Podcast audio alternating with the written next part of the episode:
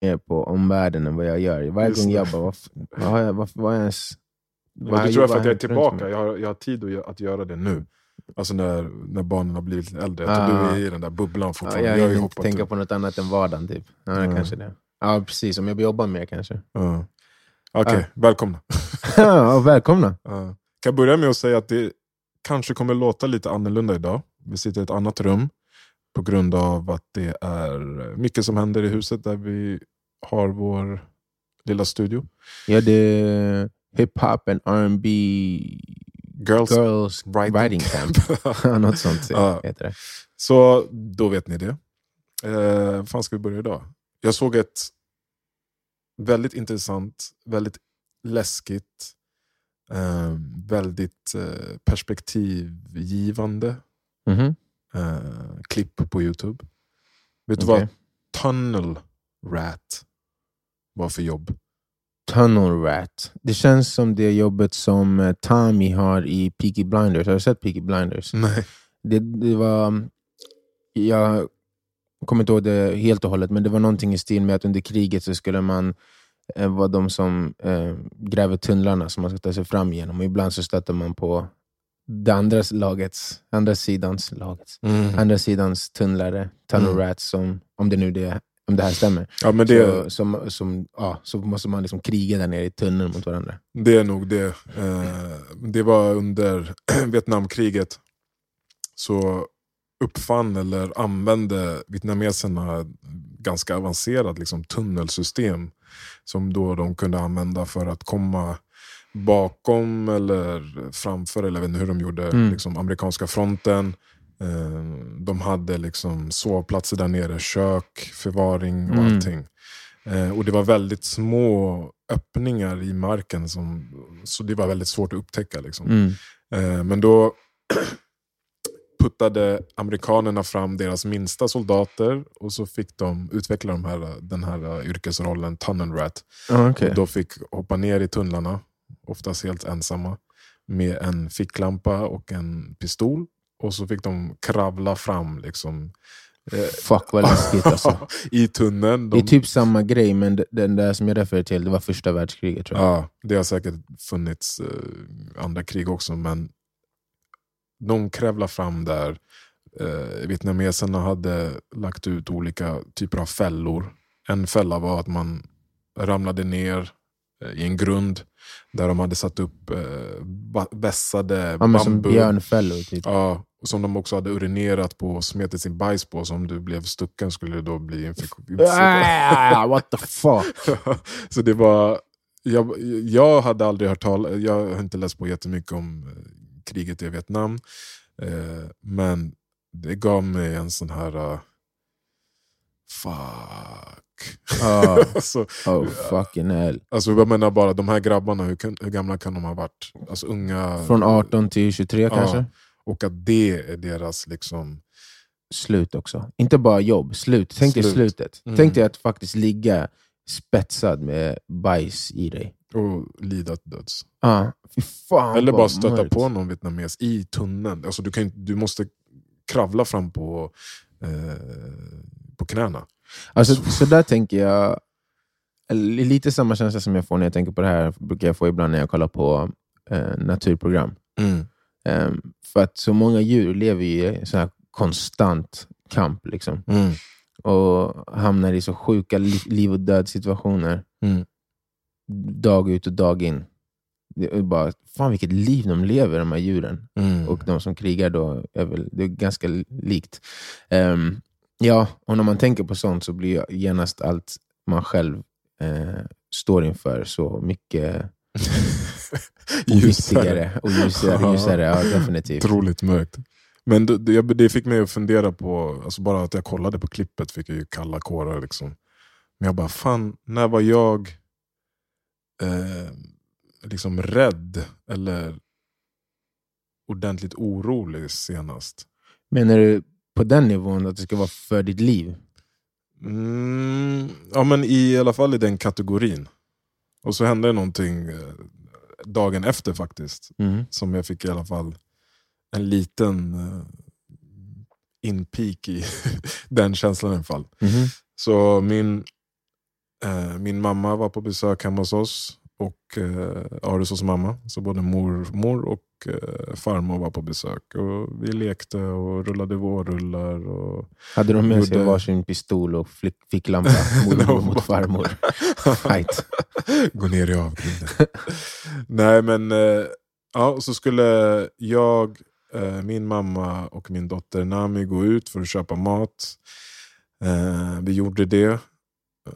På vägen tillbaka, när vi kom in på innergården till, till ja, vår innergård, så ser jag en hund bakom några buskar eh, hoppa ut typ från sin eh, vad heter det, uteplats. Mm.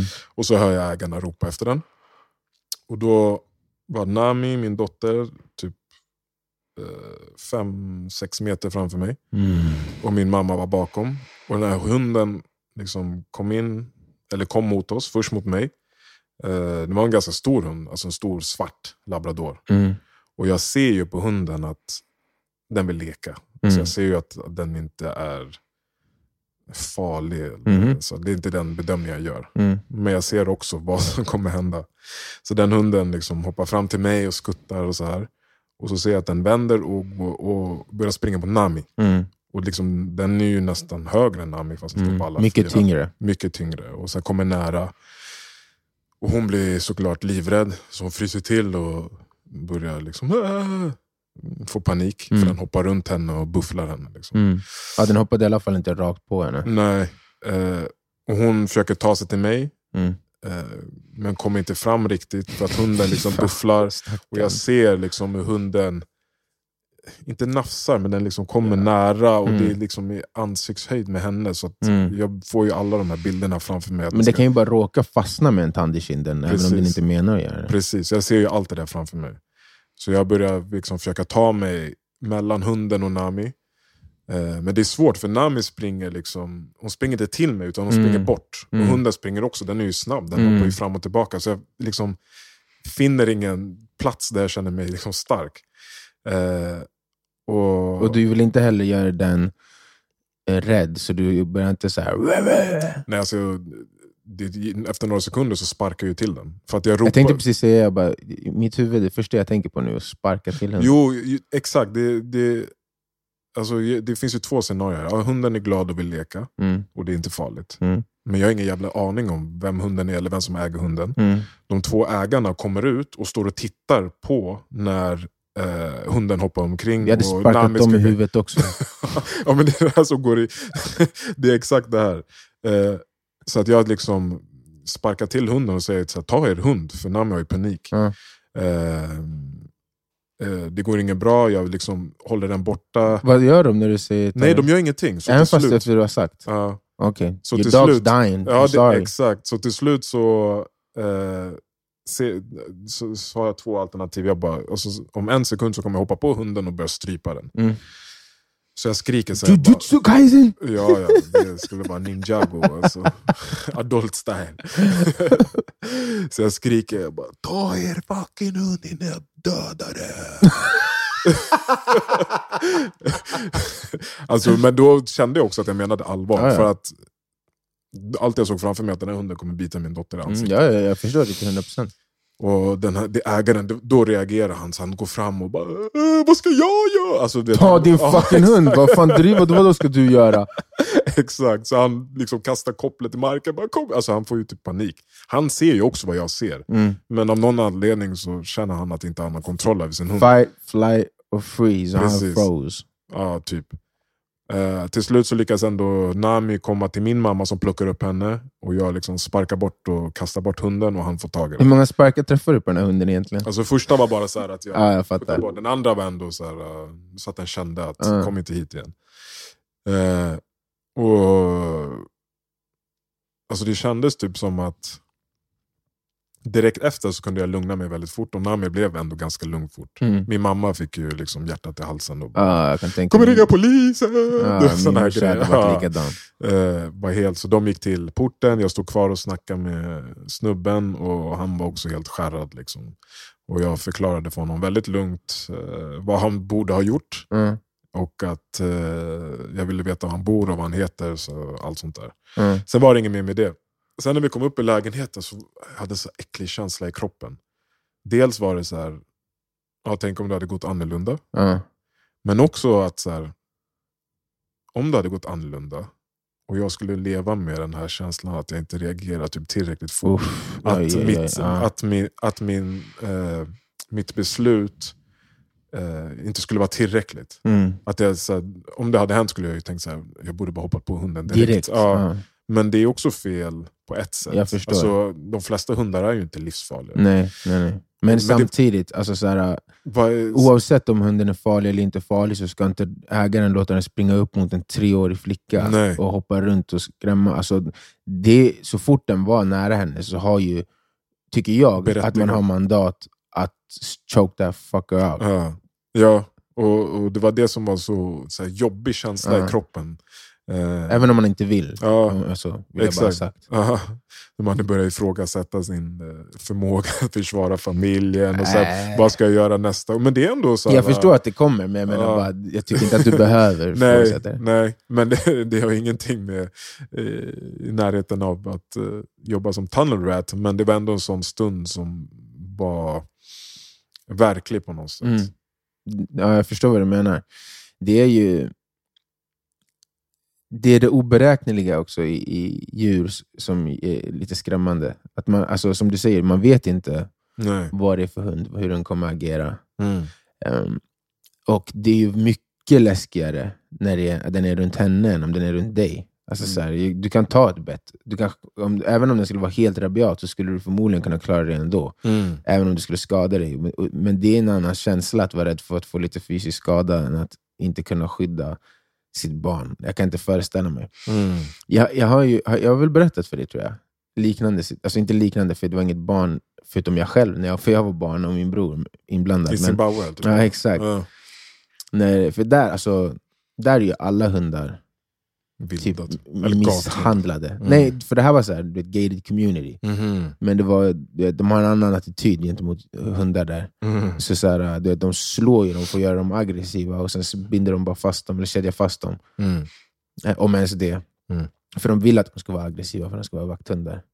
Ehm, och vi hade två hundar där hos min pappa. En dobermann och en schäfer. Små valpar. Mm. Och vi var ute och gick med dem varje dag. Och varje gång vi går förbi ett ställe, vid en mur, alla hundar för det första kommer fram och skäller vid- liksom, vid, Mhm. grinden. Mm. Men att det var inne, alla hade murar och grindar, så att det var så här, man var skyddad av det. Mm. Men på ett ställe så var det en fucking hund som, jag vet inte vad de hade på andra sidan, eller om det bara var Michael Jordan av hundar. För den hoppade upp på en mur som kanske var liksom att den var längre än mig, och jag var inte så mycket kortare. Jag kanske var 13-14, Mm. kanske var 1,70 liksom. Mm. Den var över mig. Och hunden kommer upp med sitt huvud varje gång vi går förbi och bara... liksom med framtassarna på muren och huvudet över. Mm. Varje gång blir man lite rädd, men den kom aldrig över. Liksom. Men efter ett par veckor så är vi och går. Och sen så först när vi går där, på väg bort från, hemifrån, Mm. så kommer den över. Och vi bara plockar upp hundarna och löper. För hundarna är för små för att kunna springa. Alltså, vi är egentligen för långsamma också, men vi var Mm. snabbare. Eller jag vet inte om vi var snabbare, men vi reagerar snabbare i alla Mm. fall. Så vi plockar upp dem och springer.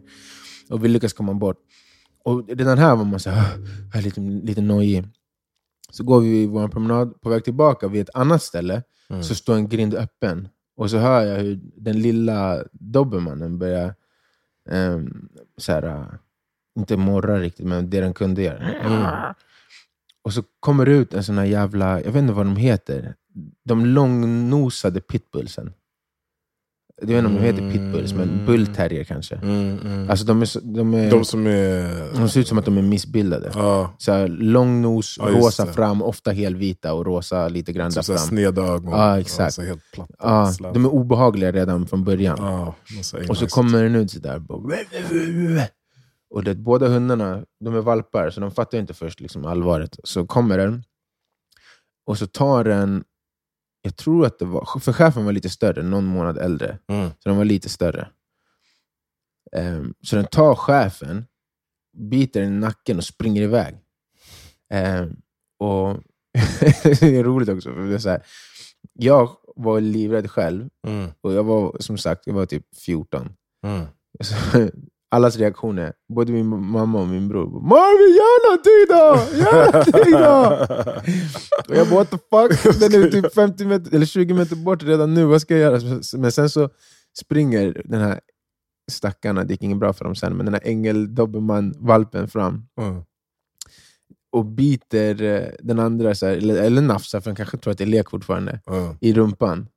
Så att han släpper chefen, Mm. plockar upp dobermannen och bara börjar svinga runt den med den i käften. bra. Och du vet, du bara, Marvin gör någonting då, gör någonting då! Jag bara, what the fuck? Så jag typ så här, tar en pinne och börjar slå mot hunden. Mm. Inget händer. Så börjar jag liksom så här försöka måtta sparka mot hunden, ingenting händer. Jag du vet, står där och alla har panik. Typ. Sen från ingenstans kommer någon liten unge och bara... Jag kommer inte ihåg exakt vad han gjorde, men typ vissla. Så, Mm. Vad det nu hette. Och den bara släpper och går ifrån. Mm. Och sen, alltså, jag, jag, det, var, det är bara likt i att det är hundar som attackerar, men jag kommer ihåg liksom hur... Skräcken. Ja, för man vet inte vad som ska hända. Om den, jag tänkte så när jag sparkar, tänk om den vänder sig och bara biter av min, mitt ben. Inte av, men liksom... Då är det nog din in. mamma har fått mest ångest. Du fick ta den rollen tidigt. Eh, Jag kommer bara ihåg att vi kom hem sen. Hundarna var också lite skärrade, men de, det var lugnt. Liksom. Det, var, det blev inte så... Jag vet inte om den typ lekte också eller någonting, för den borde ju ha liksom, ripped them to, sh, eh, to, to shreds. Ripped them to shreds. Shred them Ja. to pieces. Ja, men det var liksom... Jag tror chefen hade lite så här, något hår, liksom, Mm. lite blod i, under pälsen liksom, Mm. på nacken. Dubbelmannen var fine. Eh, men jag var inte fine. Jag gick och la mig. Vi där var morgonpromenad, typ. Mm. kom hem vid 10-11. Mm. Gick och la mig och sov typ hela dagen. Så här, du vet, för mycket adrenalin, så jag blev så här, överladdad och bara hade Mm. ingenting kvar när vi kom tillbaka. Men det är ju någonting med när man hamnar i en konflikt eller en sån typ av situation med djur. Oftast är det hundar, men även fan katter kan vara sådär eh, obehagliga. Och det, på något sätt så... Jag tycker katter är obehagligare. Ja. Inte läskigare kanske, när de, för de är inte farligare, Nej. men obehagligare. Obehagligare. Ja. Men man hamnar ju i någon sån där uh, jungle mindset på något sätt. Alltså, Mm. Kände jag där, alltså, så här, nu är det ett djur Mm. mot mig, inte en annan människa. Jag vet inte, det, var, det var bara jävligt obehagligt. Och jag, jag vet inte riktigt hur det kommer...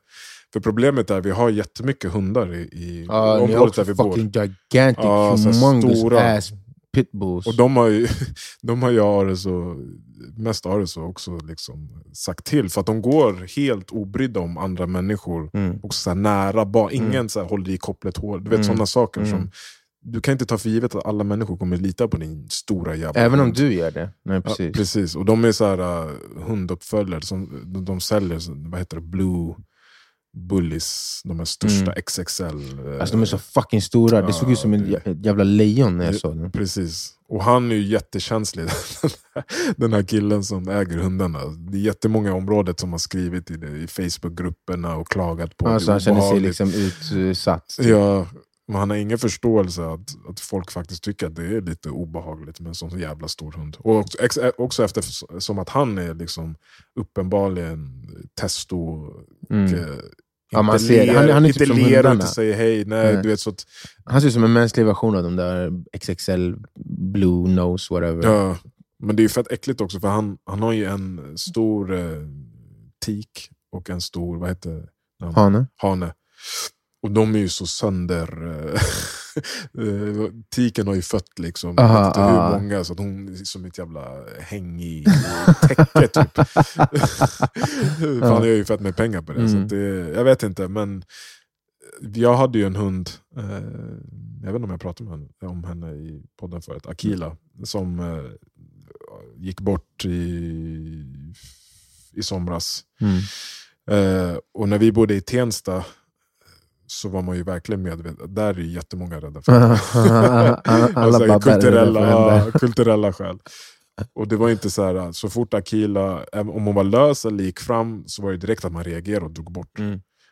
Aldrig att man tog för givet att någon ville hälsa eller Mm. någon ville liksom... Men det kan man aldrig göra tycker jag. Nej. Alltså det räcker med att en av 50 är rädd så, Mm. så ska du bete dig som att alla kanske kom, möjligtvis kommer vara det. Men det måste vara bland, inte jobbigaste människor som finns, men de människorna som då tar för givet att alla är Mm. liksom hundälskare. Eller Mm. så. Men vadå, djur är som människor? Yeah. Ja. Alltså, du vet, folk skojar ju ofta och säger "Ah, mitt husdjur är som en bebis, det är som att jag har en bebis. Och det är skämt, jag, jag blir ändå irriterad på riktigt. jag bara, you fucking idiot. fucking idiot. It's not. It's, It's a, not a fucking beast. I could snap its neck and not go to jail. It's not the same thing with a baby. Ja, men det, det får att tänka på. ehm, du har väl säkert varit i sådana situationer också? Ja, jo, det har du definitivt. Liksom fight or fight or... Nej, flight, fight or flight or freeze. Mm. Eh, hur upplever du det själv i sådana situationer? Nu, det här var ju inte freeze, det här var ju att du deliberated över vad du skulle göra. Så det här skulle jag kalla för fight. Mm, ja, det var definitivt är det fight. alltid där du hamnar? Är det ditt standardläge när det blir... Eh, och då menar jag där det kan, är möjlig Alltså, för riktig m- fara. Ja, alltså jag har alltid varit eh, en sån som reagerar. Alltså om jag går på gatan och ser typ två andra personer Mm. fightas. Eh, så har jag alltid varit den som känner att jag måste lägga mig i. Mm. Eh, på så sätt är jag fight. Jag är nog sällan freeze.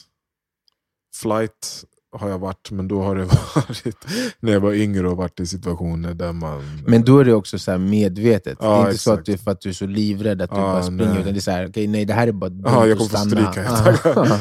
Eh, nej, jag tror jag är mer, eh, jag tror jag är mer fight, liksom rent reflexartat. För det där tycker jag ändå är en rätt intressant grej. Det känns som att det är genetiskt.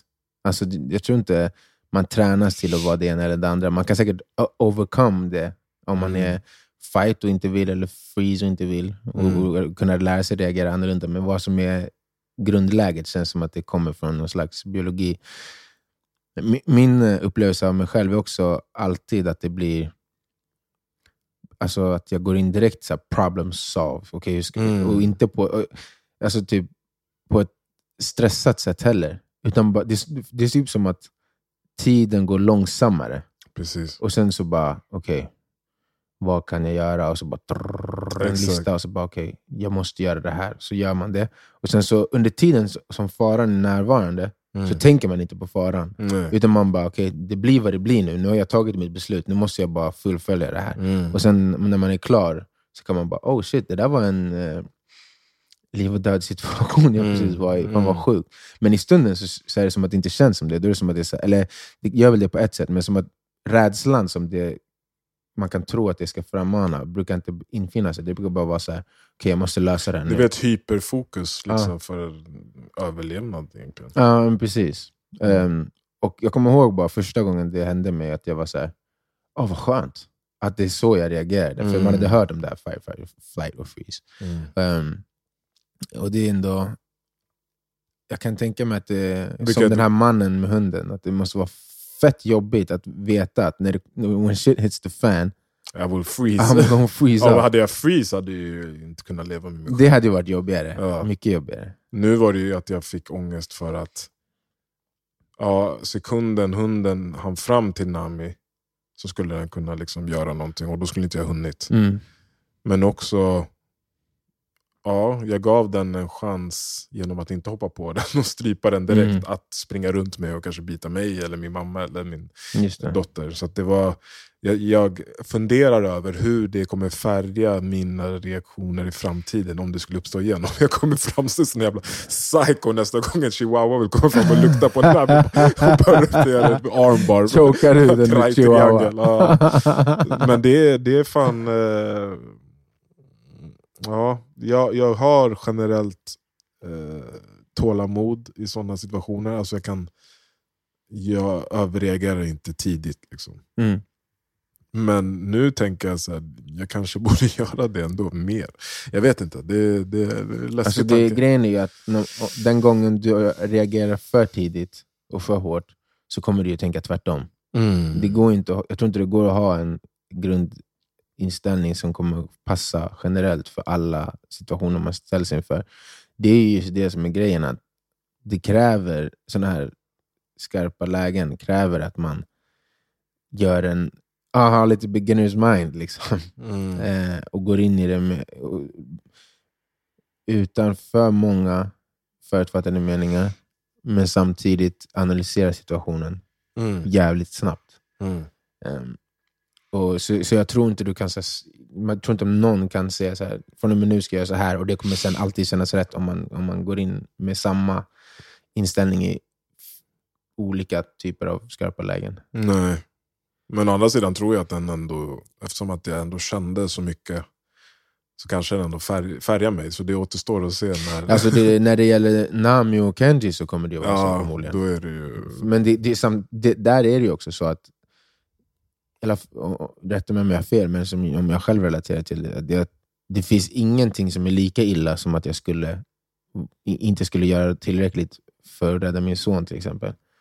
Så jag råkar hellre strypa ut en katt än att katten har kläst min son I, ögonen, i typ. ansiktet. Ja, i ögonen. Det är det, det, är det. Hellre att jag ber om ursäkt än att de ska behöva be om ursäkt. alltså när det gäller dem. Ja, liksom. precis. Om det är en själv, då Ja, kanske då en jag, annan exakt, femma. då, då, det- men där är också, alltså när, jag, när jag är själv och rör mig själv ute, om det är i naturen eller i ett nytt land, eller något, jag känner mig så jävla bekväm. Jag känner Mm. att jag kan, vilken situation än som uppstår nu kommer jag kunna bemöta den med, alltså rationellt och på ett bra sätt. Mm. Men så fort andra människor är runt omkring mig, jag vet inte om det handlar om att jag känner ett ansvar, eller att någon annan kan fucka upp situationen. då, kan, då, då känner jag mig oftast lite mer så här Sårbar. nervös ja, Mm. sårbar. Och det, det handlar om alla, nästan alla aspekter av vad man än gör. Mm. Så känner jag mig alltid liksom, som en stark ensam varg när jag är själv. Mm. Ja, men jag kan känna igen mig i det, det tror jag. Alltså, som, som må- många situationer man har satt sig själv i, där det är så här, när man återberättar bara, what the fuck am I stupid? För, för att man är för bekväm nästan. Mm. Så här, "Nej, jag, jag lägger mig och sover här klockan tre på tunnelbanan. Mm. i New York City." Så, "Nej, vad ska hända? Ehm, eller går in i något dåligt område i något land man inte känner till. Bara, "Nej, men Mm. Vad ska de göra? Mm. Så det, och det är klart det kan hända saker, men det, det finns någon, jag, jag känner igen mig att det finns någon grund, något lugn som... Jag är, som jag- det var nog det jag försökte belysa innan, jag är ändå tacksam för det på ett sätt. Vilken? För, alltså lugnet. I såna, alltså Ja. i, jag är hellre det, för, för lugn, än för rädd Mm. ehm, när det kommer till sådana där lägen och så. Ehm, men det där fick mig också att tänka på ehm, en av de grejerna jag läste senast nu i Beginner's Mind. Där det var ju absolut inte sådana här situationer som han hänvisade till, men han pratar om att ehm, när du gör någonting så ska du um, hur var han uttryckte det? Du ska leave a du ska inte leave a trace of yourself in what you do. Och han relaterade det till konst, Mm. vilket jag tycker är givande för mig att läsa också. För att, och det är ofta konst, märker jag. Mm. Det, där, jag, det känns som att det finns en ganska stark koppling mellan eh, zen, mind och ehm, att vara eh, i kontakt med någonting djupare. Ja, det kanske låter självklart i och för sig. Och konst. Mm. För att du, eh, och han pratar om att det är allt som skapas av värde, jag tror inte han sa värde, men det var så jag eh, tolkade det, kommer ifrån the big eye, not the small eye. Och the small eye, det är den när du relaterar dig själv till omvärlden Mm. och du, vem du är i världen och det ska in i din ideologi och allt. Ja. Mm. Men the big eye är det duet som är alltet, som är alla. Och Mm. att allting skapas egentligen därifrån. Mm. Och jag tolkade det när jag läste det du vet, till så här, men en, en, du ska sjunga en sång. Och det, det mest berörande sättet att göra det, det är när du inte är färgar det med dina tankar, utan bara med dina känslor, med det som kommer från Mm. the big eye på något sätt. Mm. Eh, men när vi pratar om det här med skarpa lägen så känns det som att det kanske är lite samma sak. Liksom. Mm. Alltså, du ska inte färga det med alla dina tidigare uppfattningar om dig själv och om, om världen, utan du ska gå in i det som eh, en som om du är en conduit för the right thing to do at that moment. Men är inte det det som händer automatiskt också? Det är därför också jag tror att det är, eh, inte för mig nödvändigtvis, men för många mm, ett sätt att leva. Att medvetet sätta sig i de extrema Mm. situationerna. För att Mm. det är just då man känner sig som mest levande. När liksom nästan liv och död är närvarande samtidigt. Och eh, man tvingas in i, i Supernärvaro. Ja, supernärvaro och i en sinnesstämning där ingenting utanför det som händer Mm. nu har du, har du råd att liksom blanda in i det här. Det är som när du tog upp i tidigare avsnitt, den här bergsklättraren som eh, klättrar på alla världens farligaste berg utan någon, eh, någon det. på grejer. Alex Hanold. Exakt. Ja, free, Ehm, free climbing. Ja, och det finns... Alltså, på sätt och vis så kan jag väl känna igen mig i den känslan. Även om jag inte alls utsätter mig för så grova saker som han gör. Men jag kan absolut känna igen mig i att tycka om den kittande känslan av någon form av närvarande fara. Alltså, det behöver inte vara något stort, men typ... Det är som... ehm, jag pratade med min mamma i somras, jag tog ju körkort i våras, liksom, eller till början av sommaren. Mm. Och sen började jag köra ganska mycket på en gång. Och sen så skulle vi åka till min mamma i Eskilstuna. Mm. Och så spöregnade det, alltså, du vet, så här, där man knappt ser någonting. Ja, det är skitäckligt. Och det är ju obehagligt på det sättet att man vet att man inte har samma kontroll. Mm. Var det sådär äh, regn som, det känns som att någon bara häller en, en hink med vatten konstant ja. över. Så att, Alltså, det är som att det är mer, alltså, Ja. att det stänker upp också. Det är som att det regnar från marken också. Ehm, och man kör på motorvägen och det är typ så här 120. Ehm, och sen så, eftersom att jag hade min son i bilen så körde jag ändå försiktigt. Mm. Relativt försiktigt. Du kör väl aldrig för fort? Det är ju första fem Nej, inte för året. fort. Nu snackar jag om till och med under. Ja. Eftersom det var 120, så kanske 115, När det regnade så mycket? 110. Ja. Uff. Alltså det var 120 på, alltså, var gränsen. Ja. Och vissa kör ju så här, man märker ju, vissa kör ju 90, Ja, jag hade 95. kört, jag tycker det var äckligt. Ehm, men alltså, jag gjorde ju det för att jag kände ju fortfarande Kontroll, Någon, ja. Men, Det var lite utmanande också. ja, men det var också lite utmanande. Och, och så, så här, jag, pushade inte det då som sagt för att min son var i bilen. Hade det varit normalt hade jag bara legat på 120. Mm. För att, jag tror jag, Jag kanske till och med låg på 110. inshallah. Ja, men typ så här, för att det finns någonting i mig Mm. som också gillar det läget. Faran liksom. Exakt. Mm. The hell are you doing? Jag skojar bara. Shout out Group 11. Till ni som Yeah. grills.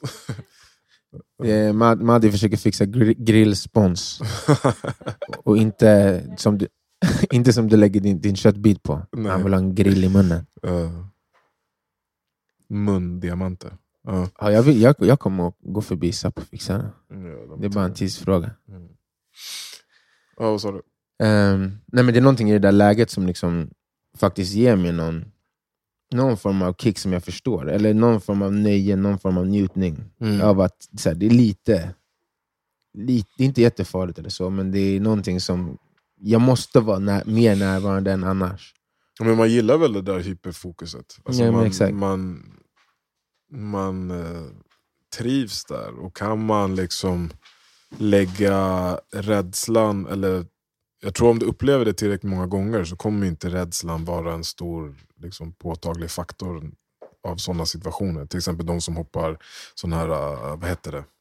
När de glider ner för berg. Uh, Paragliding? Base jumping. Base jumping, just det. Det är helt fucked up alltså. Ja, verkligen. alltså Alltså, fast jag blir också lockad när jag tänker på det. Det är Ja, inte då är vi nog lite att någon kommer göra Ja, det. då är vi annorlunda. För, jag, ingen, för mig räcker det att någon på 100 kilo ligger på mig och försöker strypa mig och slå mig. Det, det, det går min gräns, men att hoppa ner för berg och såna grejer, nah, man. Men det är inte liksom bara, bara, det är inte bara faran i det som lockar, det är också typ att fan vad sjukt att uppleva typ som att du flyger. Alltså så här, som en jävla fågel. Mm, En drake. nej, En flygplan. hippogriff. Fly, flygplan är tillräckligt för mig. Ja, nej, alltså, Janice är också, min fru, hon har också sagt en Men du är bara järn, alltså, du är bara, vi har snackat om ditt pampe, du är bara så här, kan någon annan kan jag också. Det är lugnt, jag gör det och så gör du det. Du får samma, säkert samma utav det, men jag vet inte, du har en annan inställning där. Jag kan vara såhär, nah I'm good. Call me a pussy if you want.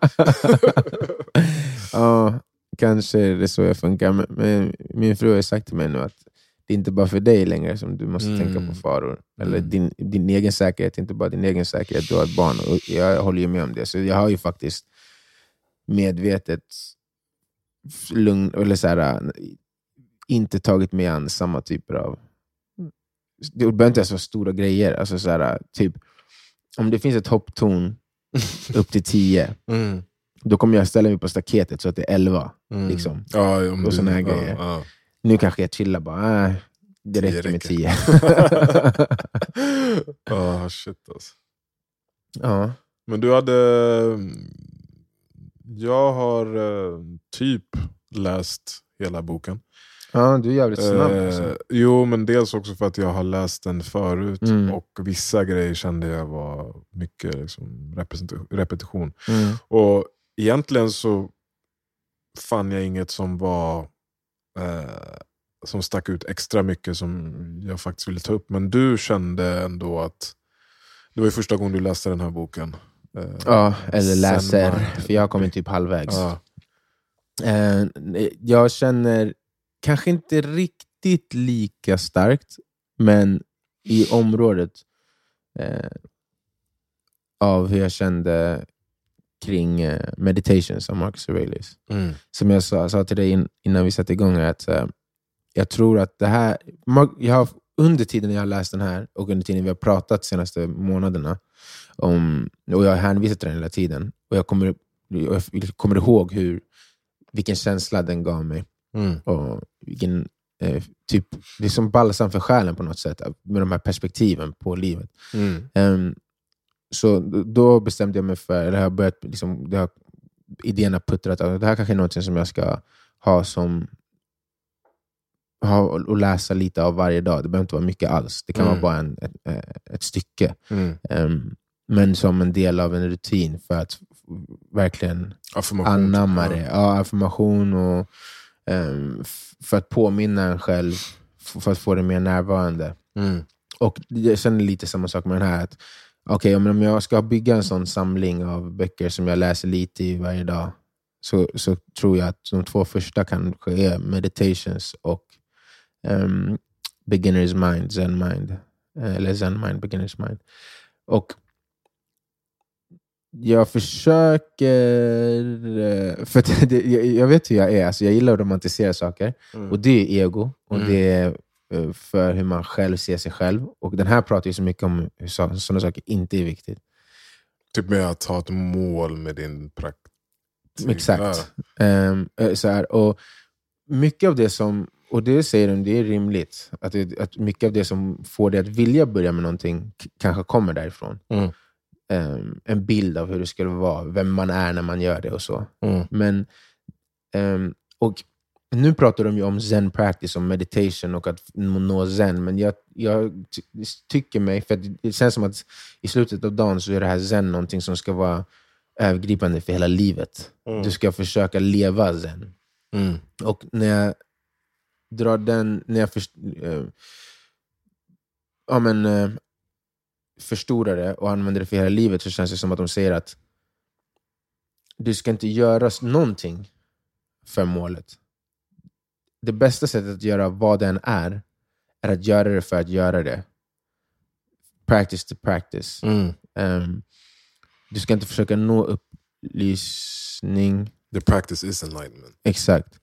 Ehm, och du vet, det är det jag var inne på, att när jag tänker så här, "Åh, f- det låter coolt att läsa Marcus Aurelius och Zen Mind lite varje dag. Det, det blir direkt kopplat till så här, who am I doing that? mm, mm. Men samtidigt så, känn, så vet jag ju att det som drar mig dit nu är ju hur jag mår av att göra det. Mm. Alltså, varje gång jag, vi har refererat till meditations och att den här boken ger samma förnimmelser, det är det som jag ehm, vill till. Mm. Och Det är inte någonting som jag tror jag kommer få efter jag har läst, utan det är någonting som jag får medan jag läser. Någonting som jag får av the practice. Mm. Något, och Det känns redan där lite fel, får. Men att göra den practicen känns så. Mm.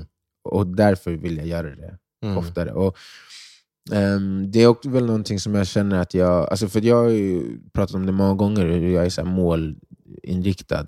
Och gör ofta saker med en plan för att uppnå ett specifikt mål, med, en speci- med ett specifikt schema. Och, Mm. ehm, samtidigt som jag inte tror att jag vill avsäga mig det helt. Alltså att så här, till exempel så vill jag ha ett schema. Ehm, för att jag vet att jag mår bra av en strukturerad vardag till exempel. Men där igen, då, då, då det kommer där ju blir- det fram bättre. Alltså att jag gör det för att jag vet att, hur jag mår av att göra det. Mm. Inte för, alltså för, för att the practice eh, av att faktiskt bara göra det är något som ger mig någonting. Inte för att det ska uppnå någonting i slutändan. Just det. Ehm, Men jag tror det är viktigt där att inte blanda de två sakerna för starkt. För att jag menar, alltså li, zen och livet. ja, Mm. alltså man får typ tänka att det jag gör nu blir mer en livsstil än, som du säger, ett verktyg för att nå, för att, så här, ett verktyg för att förhöja min nuvarande livsstil. Förstår jag tänker? Nej, men det är det jag menar. Ja. Att, att jag, jag vill göra det för att jag vill göra det. Ja, precis. Inte för att det ska leda mig någonstans. Mm. Eh, och Det är som vi har pratat om tidigare, så här, om, typ, om du fick en miljard imorgon, vad skulle du göra? Mm. Samma saker fast med, i en, ett bekvämare läge och med en Mm. finare bil kanske. Mm, Eller någonting, mm, whatever. mm. Alltså så här, själva livet skulle fortfarande struktureras på samma sätt. Det är inte så att man tror att på den andra sidan skulle jag hitta en annan vardag som kommer vara bättre för mig. Utan det man gör är redan det man vill göra. Det. Och det är väl det som de här grejerna påminner mig om någonstans. För jag sk- skrev som en kommentar på någon av grejerna som stod där, där de pratar om att the practices uh, enlightenment. Mm. Och the only, alltså, jag parafraserar, men det, alltså att det enda fokuset är att göra det du gör eh, med hela din kropp och hela ditt sinne. Eh, och Det påminner mig om eh, meditations-delen där han pratar om att det enda som spelar någon roll, om ditt namn efter du är död inte spelar någon roll för du är död. Om eh, ingen lycka kommer ifrån eh, framgång, världslig framgång eller, eller ehm, att vara känd Mm. för någonting. Så vad finns kvar? Då finns det bara att göra saker med en underliggande princip som har ett evigt värde. Mm. Och i, i zen så är det eviga värdet närvaron. Liksom. Och, Men hur blir det, hur, okej där, jag håller med. I Marcus Aure- Aurelius fall Mm, eh, så byggde många av hans dygder på och levnadssätt på liksom det här med interaktioner med människor. Typ att man ska vara på ett visst sätt, man ska bemöta människor på ett visst sätt. Mm. Och man ska, eh, alltså jag tänker att det är det som, som lever för evigt. Att du kommer med en attityd och en eh, sätt att bemöta människor som kanske då lär andra personer att, att, att, att eh, bete sig på samma sätt. Och det kommer leva vidare för evigt. Är det så man ska tänka? så jag kanske, alltså jag tolkar det mer som att ingenting lever för evigt. Nej. Så det enda som spelar någon roll är nu. Och vad spelar någon roll om det bara är nu? Det är att det är rätt. Just det. Så måste det vara. För att, Och det är ju väldigt likt sen. ja men exakt. Ja, ja. Nej, Eh. Jag försökte bara koppla ihop det, för att han är också väldigt praktisk i som jag sa, bemötandet med människor Mm. och hur man ska behandla olika typer av karaktärer. Och Det kan man ju tänka är ett så här, eh, levnadssätt som kan leva för evigt i andra människor. Mm, jo, absolut. Och jag menar, det, det är ju konstant det här med in i spelet, ut ur spelet, Mm. in i spelet, ut ur spelet. Om man fortfarande ska leva i världen. Det tar de ju upp här också, om du inte ska gå leva i skogen. Liksom. Men, jag tror att inställningen ska vara fokuserad, enligt de här böckerna, på, ja, men på nuet, på värden som är oföränderliga över tid och eviga. Mm. Och, och om du gör det, så, så kommer allting annat falla på plats. Alltså, eller det är inte ens det de säger, men de värdena så som jag ser dem, sanning, båda har ju väldigt mycket, det var ju de fem eller sex ehm, ways of life eller något som finns i, zen, i den här boken. Mm. Och de, jag kommer inte ihåg alla, allihopa, men det var ju någonting i stil med att vara på ehm, i en båt på väg över en flod Mm. är som livet.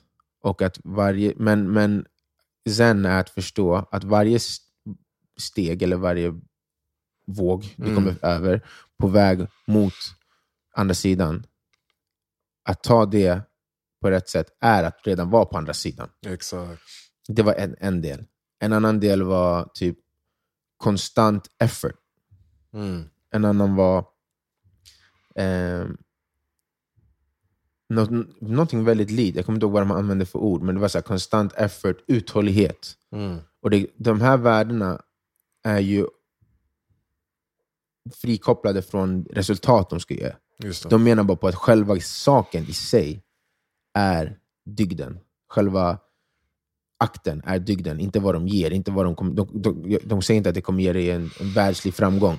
Men om jag sen kopplar bort vad de säger och säger så okej, men du är ärlig, rak i din kommunikation, du är empatisk, du är industriell, jobbar hårt, um, uthållig, Mm. ger konstant effort.